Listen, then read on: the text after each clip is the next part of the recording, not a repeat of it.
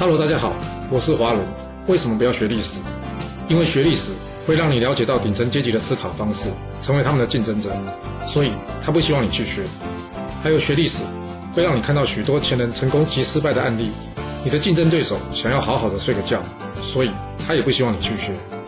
最重要的是，学历史会让你了解人性，你的老板以及同事都希望你保持天真的心，所以他们更不希望你去学。就是因为这些原因，接下来我要跟你说的是故事，而不是历史。今天主题是说服人的方式呢，因人而异。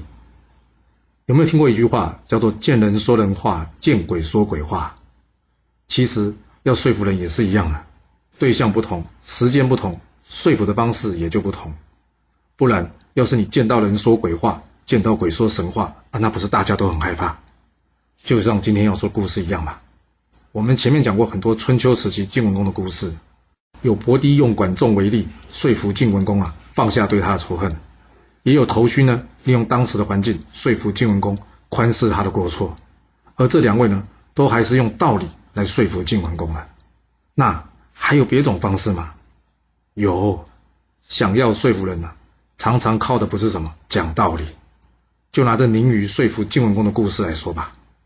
晋文公呢，一直想除掉宁虞的老板，也就是魏国的国君呐。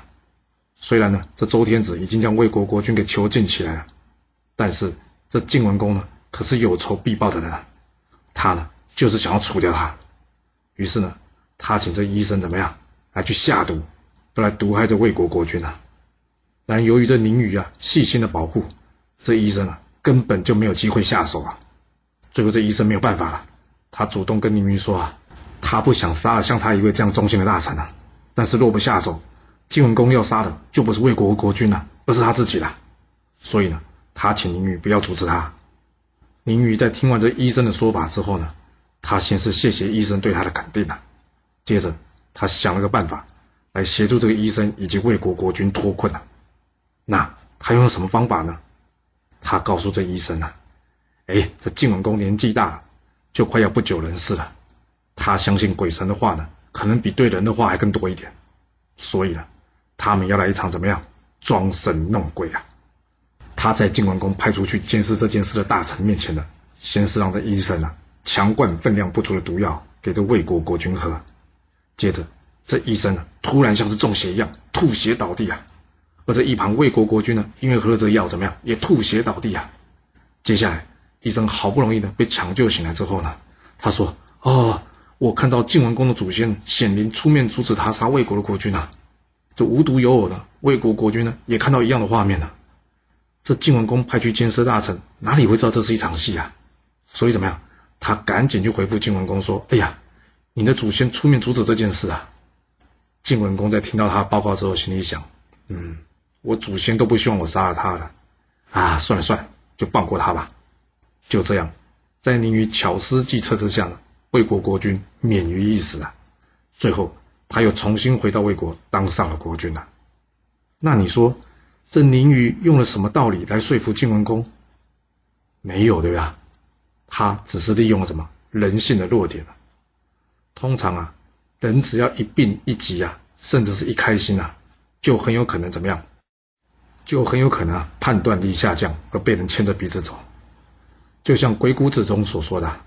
只要掌握人的喜怒哀乐，你就能任意的说服对方。仔细想一想，其实现在很多诈骗集团使用的也是一样的方式啊。过去呢，他们是利用人的贪心，但是现在比较可恶啊，他们利用的是什么？人的好心啊。若是你不想被骗，就是当你遇到问题的时候呢，建议你可以打个电话给你朋友或是家人，就多问一下别人吧。他们不一定比你聪明，但是呢，因为他们是旁观者。没有身处在你的状况之中，或许呢就能有机会帮你冷静思考以及解决问题，你说是吧？若是你有其他想法，也欢迎你留言分享你的看法给大家哦。好了，我们今天先说到这。如果你就是不听我的劝，想知道完整版的故事内容，你可以从说明栏找到我爱故事频道的连结。